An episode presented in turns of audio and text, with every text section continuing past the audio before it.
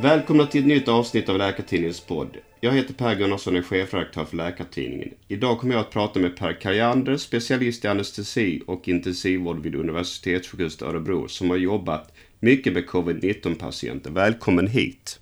Tack så mycket! Jag ska säga att denna inspelning görs den 11 maj och på distans via verktyget Teams. Jag har bjudit in dig för att du är en av många läkare som nu arbetar med covid-19 patienter och jag är nyfiken på att höra vilka reflektioner du har kring vardagen på arbetet.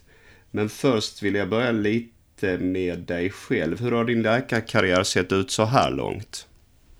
Oj, jo, jag har eh, läst medicin i Umeå. Eh, flyttade ner till Örebro 2005 och började AT här.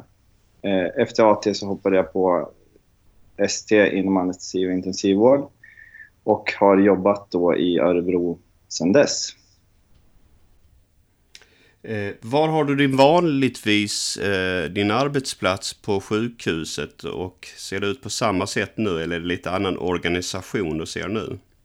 Eh, jag är placerad på intensivvården eh, till vardags. Eh, det, det, är min huvudsakliga arbetsplats. Vi har en uppdelning på sjukhuset i Örebro där det är ett antal som jobbar enbart med intensivvård och andra som jobbar med operationsverksamheten. Och, så jag jobbar på intensivvården. Skillnaden nu när covid-pandemin eh, har startat är att jag jobbar mer med intensivvård än vad jag brukar. Eh, så jag jobbar mycket med intensivvård och ingenting med operationsverksamhet. Eh, har ni fått fler vårdplatser hos er nu också? Jag, eh, jag tänker på grund av covid-19. Ja, vi har utökat eh, mycket. Vi har ju en, eh, ett eh, länsövergripande klinik vid både Örebro, Karlskoga och Lindesberg. Och sen har vi då även eh, eh där som man kan räkna in. Och om man räknar ihop de platserna så har vi normalt sett 20 platser intensivvårdsplatser i länet. Och vi har gått upp till 47 platser nu under pandemin. Då. Det är en stor förändring. Ja, det är väldigt många nya platser och vi har varit, har varit tufft att bemanna framförallt på IVA sjuksköterskesidan då redan innan pandemin så att eh, det har varit ett pussel att få till personal då och det har ju lånats då från eh, olika andra kliniker, framförallt då från anestesisjuksköterskor som jobbar då som intensivvårdssköterskor nu. Mm. Men ni har lyckats bygga en fungerande organisation trots att det här kom väldigt snabbt på? Ja, vi låg väl, släpade väl ett, någon, ett par veckor efter Stockholm så vi hade lite heads-up och eh, det gjordes ett fantastiskt jobb i början när vi ställde i ordning eh, alla dessa nya intensivvårdsplatser då. Där eh, det var en stor ansträngning från väldigt många involverade som har fungerat väldigt väl sen.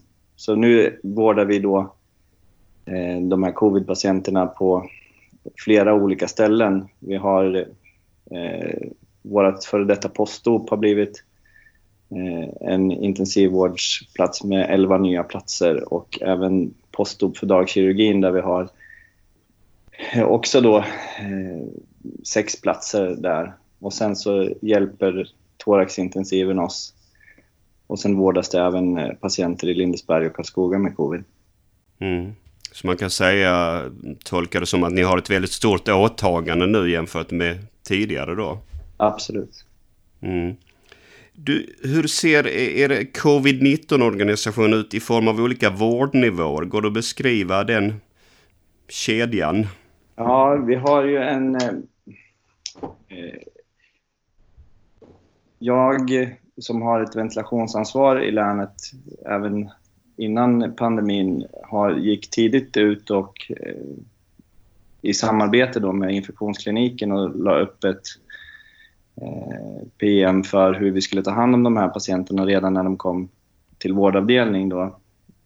Eh, så att eh, som det ser ut nu så har vi då en strategi som är egentligen sammanhållen ända från när de kommer till akuten och tills de lämnar sjukhuset där vi är delaktiga även i ventilationsvården på vårdavdelningen. Och vi i Örebro använder väldigt mycket högflödes syrgasbehandling. Och vi använder faktiskt det redan från start. Vi, de får inte konventionell syrgasbehandling och det har varit väldigt lyckat hittills. Våra patienter mår bra när de kommer sen till IVA och vi har tydliga regler och riktlinjer för när vi ska bli kontaktade och ha en väldigt friktionsfri, ett väldigt friktionsfritt samarbete med vårdavdelningarna. Om man backar tillbaka eh, innan, vad, vad, skulle du säga är den stora skillnaden innan ni började jobba med covid-19? Oj. Eh, ja, den stora skillnaden är ju att vi får en helt ny eh, sjukdom med väldigt svår eh, pulmonell påverkan. Eh, svåra ARDS-patienter, det har vi ju även annars, men volymen har ju förändrats radikalt. De är väldigt likartade de patienterna som kommer. De har ungefär samma symptombild och de handläggs relativt lika, vilket också är annorlunda för oss som har ett väldigt blandat patientklientel i vanliga fall. Mm. Jag har annars fått intrycket att patienterna kan skilja sig ganska mycket åt. Ja, de Ja, de kan skilja sig, men inte i den omfattning som vi ser i vanliga fall. De, de har ändå en, en tydlig initial singelorgansvikt med en, en svår pneumonit med, orsakat av covid. Då. Och det stora bekymret är en syresättningsproblematik. Vi har inte sett eh, så väldigt mycket av eh, andra organsvikter. Det är klart att det förekommer, men inte i den utsträckning som vi har fått rapporteras från många andra ställen. Så på det sättet får ni en ganska tydlig handläggning i ert arbete gissar jag? Ja, vi har... Eh, vi försöker att göra eh, så strukturerat som det bara går och vi har fått god hjälp och ett bra samarbete med både med infektionskliniken och även röntgenkliniken där vi har en egen skala då som Mats Lidén på röntgen har gjort här som från Örebro där man bedömer då röntgenfynd utifrån eh, hur många procent lungvävnad som är affekterat och i vilken grad mellan de här groundglasförändringarna till konsolidering vi ser också. Det hjälper oss mycket i handläggningen sen och ger oss lite grann information om hur mycket eller lite problem vi kommer få under intensivvården till exempel i val av vilken ventilator vi ska använda, om det kommer bli mycket problem eller om det är någon patient som kommer behöva bukläge eller om det blir aktuellt med track eller så. Det låter som ni jobbar strukturerat som sagt. Eh, när den första patienten kom in, vilket bör väl ha varit någon gång i början av mars, eh, var ni så här förberedda då eller har detta byggts upp under arbetets gång? Eh, naturligtvis har vi, har vi fått lära oss längs resans gång, men vi hade nog en, en tanke och en strategi som vi har ändå följt eh, till stor del under det här. Det har varit en del, naturligtvis en del förändringar utifrån hur det har eh, sen yttrat sig med patienterna, men, men på det stora hela så har vi haft en, en grundstrategi som vi har kunnat följa. Mm. Vad hade ni då för tankar när den eller de första patienterna började komma in till er? Ja, det var ju naturligtvis eh, spännande, får man väl säga. Det, det blev verkligt på något vis. Det hade ju pratats mycket om eh, covid i media och så. Det hade ju redan börjat på vissa orter i Sverige bli ganska stor volym. Så när vi väl fick vårt första fall så kändes det som att det är nu det börjar. Eh, och vi har inte i Örebro blivit direkt överbelastade någon gång egentligen under den här resan. Eh, kollegor i Sörmland som har haft det väldigt jobbigt och eh, mm. drabbades före oss och med väldigt många patienter samtidigt. Mm. det är precis som du säger. Har ni, har ni fått ta in eh, patienter hos er från Sörmland? För jag, jag, tror väl att det är så att Sörmlands patienter har flyttats till olika regioner. Ja, vi har hjälpt dem med några patienter, ja. Och eh, tidigt i, i förloppet så hade vi eh, några från Sörmland innan vi hade börjat få särskilt många från vår egen region. Men vi har hjälpt till hela vägen. Jag, jag kan inte svara exakt på hur många patienter vi har tagit, men några stycken har det varit. Det här med att ni inte har överbelastats eh, av patienter. Jag tänker på att tittar man på listan över smittade och dödsfall i olika regioner så ligger ju ni i Örebro relativt högt. Idag, alltså den 11 maj, tror jag att ni är på plats fem på den här listan. Eh, det skulle ju kunna tala för att ni skulle kunna bli överbelastade. Ja, rädslan finns hela tiden över att det ska komma en, en eh, ny våg med eh, patienter och eh, det har det inte gjort riktigt än. Vi har haft en ganska stabil situation med drygt ja, mellan 20 och 25 patienter här under flera veckor nu och haft kunnat ta emot och skriva ut i ungefär eh, lagom takt så att säga, så att det inte har ökat på sig. Men det finns naturligtvis eh, eh, en... Vi är beredda på att det eventuellt kan komma en ny, en ny topp. Mm. kan vi ställa om igen och ta emot fler patienter. Och då gissar jag att ni har en plan för ytterligare utbyggnad? Absolut. I så fall. Det här med eh, att ni ligger då ändå relativt högt uppe. Har ni diskuterat förklaringarna till det eller är det så enkelt som att ni ligger nära både Stockholm och Sörmland?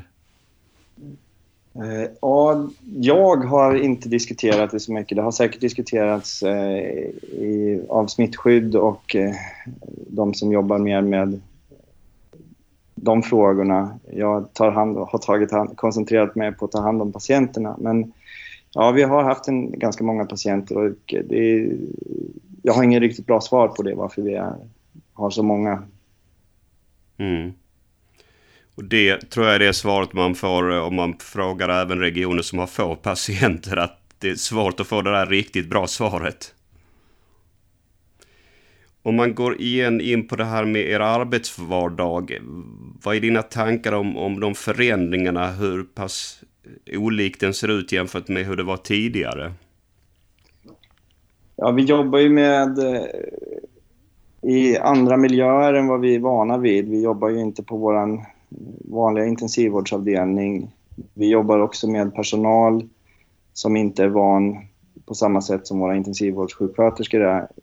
Eh, de gör ett fantastiskt jobb men det kräver en mer eh, närvaro från läkarsidan än när det rullar på mer på rutin så att säga.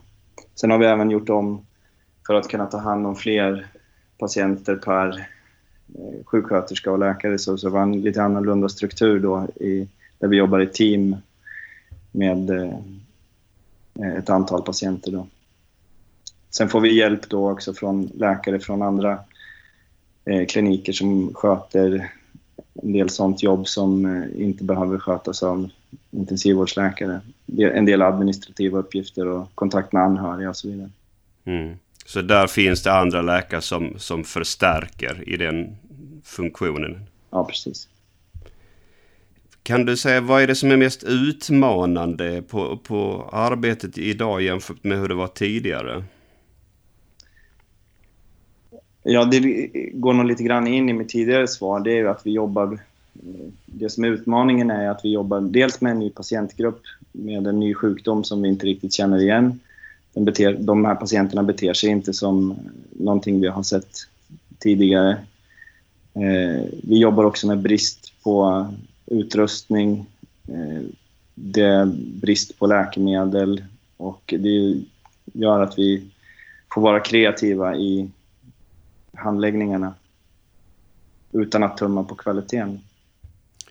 Brist på läkemedel och skyddsutrustning, är det en stor sådan brist?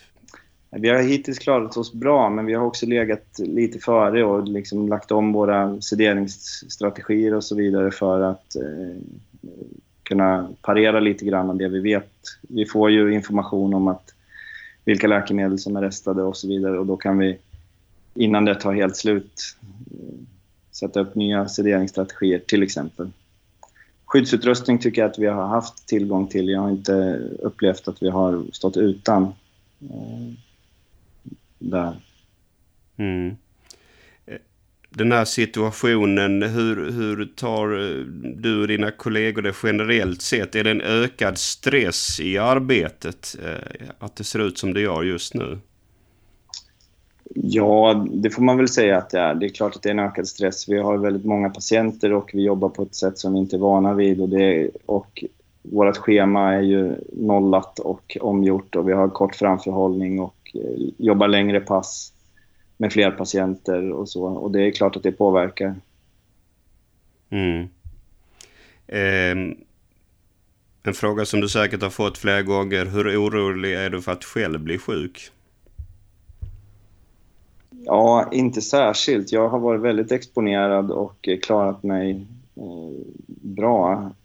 Jag eh, tänker inte så mycket på det. Jag ser till att skydda mig. Det är klart att det är viktigt att vi har skydd på oss. Samtidigt som intensivvårdsmiljön med de allra flesta patienter i slutna andningskretsar tror jag är relativt förskonad jämfört med hostandes och nysandes patienter på andra ställen. Mm, mm. Jag tänker också på det här att eh, även läkare när man pratar med dem om detta så säger de att de skulle vara rädda för att hamna på intensivvården. Är det en reflektion som du också har hört? Ja, det är nog en fråga med, som man kan... Ingen intensivvårdsläkare skulle nog vilja hamna på sin egen intensivvårdsavdelning av flera skäl. Eh, men det är klart, vi ser väldigt sjuka patienter och eh, det är ingen situation man skulle vilja hamna i själv naturligtvis. Men jag har ingen upplevelse av att eh, läkarna i Örebro går omkring och är rädda. Det gör jag inte. Nej. Om det här håller på väldigt länge, kommer ni att kunna vara lika redo då? Om vi säger att det skulle få ett väldigt utdraget förlopp på eh, flera månader. Hur, hur orkar man med då som anställd? Ja, det är ju en viktig fråga. Uthålligheten är naturligtvis viktig. Det är ju lätt att jobba hårt och mycket i början av en pandemi och så vidare. Och sen att skapa en uthållighet är nog en, en stor utmaning. Och det bygger nog mycket på att man eh, ändå schemalägger på ett sätt som gör att det finns tid för återhämtning och eh, att man eh, delar på uppgifterna. Semestern kommer kanske bli påverkad, eller det kommer bli påverkad. Och, mm. eh, det är klart att det är ju frågor som eh, inte är så kul, men vi inser ju också att eh, det finns inga riktigt bra andra alternativ heller. Nej, så att blir det en senare semester så jobbar ni helt enkelt på? Ja, 2020 är ju inget kul år för eh, någon, skulle jag säga. Eh, det påverkas ju inte bara vi. Vi påverkas ju på ett sätt, men många andra ute i samhället påverkas på andra sätt som eh, också är negativa, med ökad arbetslöshet och så vidare. Så att eh, det är svårt att svara på, men jag tror att vi får hitta en strategi som, som gör att vi orkar. Mm. Har ni några olika scenarier eh, eller man får väl gissa att det har ni på, på eh, hur lång tid det kommer att pågå i er region? Ja, det finns säkert beräkningar på det och där får jag återigen då hänvisa till eh, de som jobbar med smittskydd och de epidemiologerna som tittar på sånt här. Jag har inga, själv ingen uppfattning om hur, hur länge det kommer att hålla på. Men det kommer inte vara klart de närmsta veckorna, det är vi nog rätt övertygade om. Mm, mm.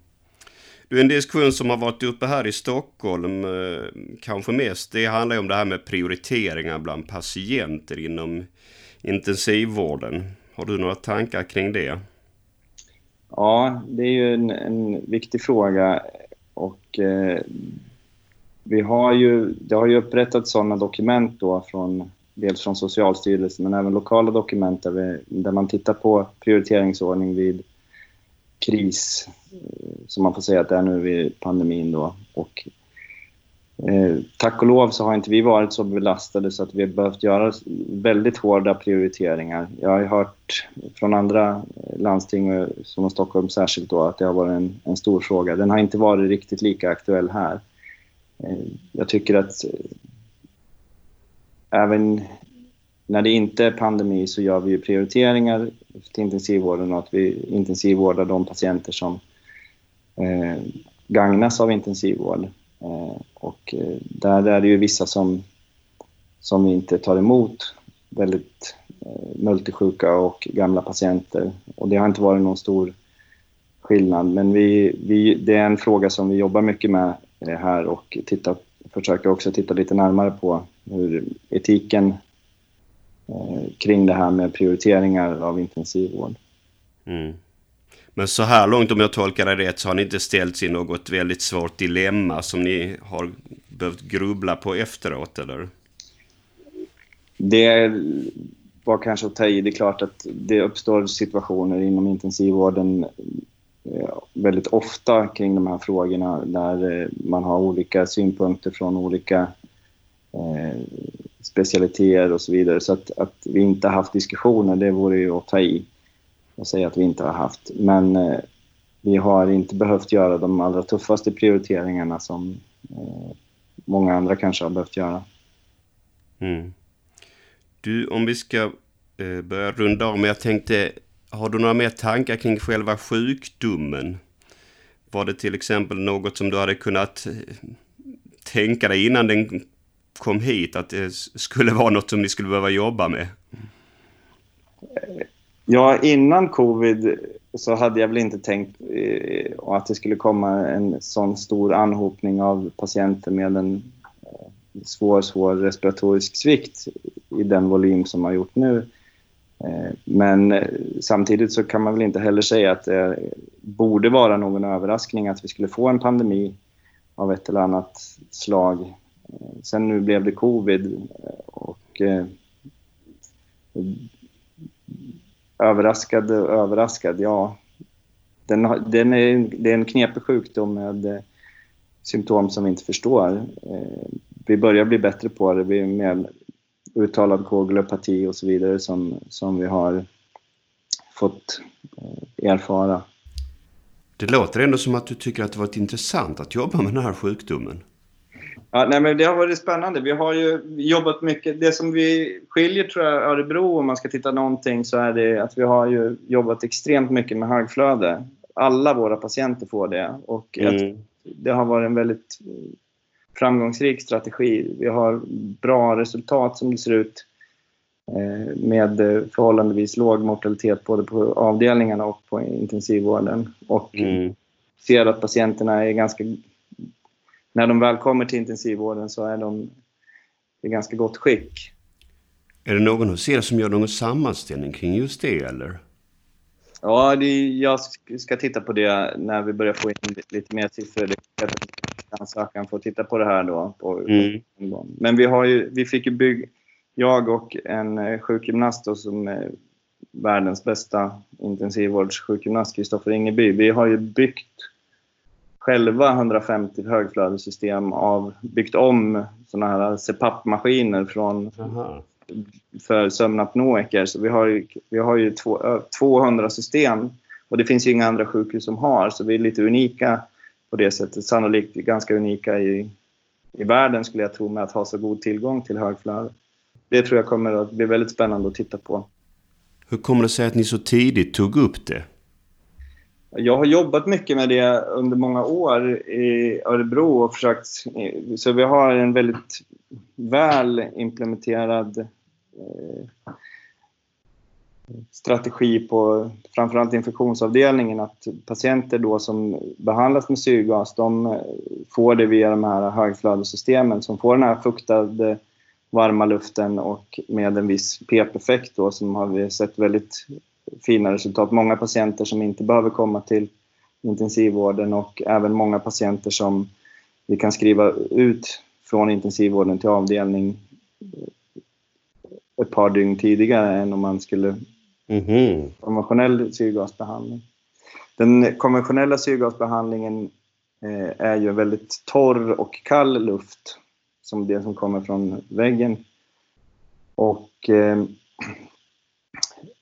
vid covid så har man ett stort hypoxiskt problem. De kräver väldigt stora mängder syrgas. Det ligger i sjukdomens natur.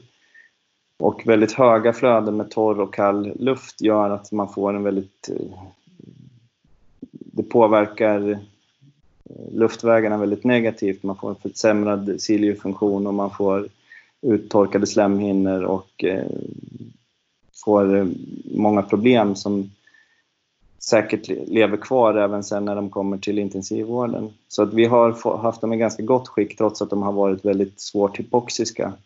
De har haft bevarat luftvägsepiten. Mm.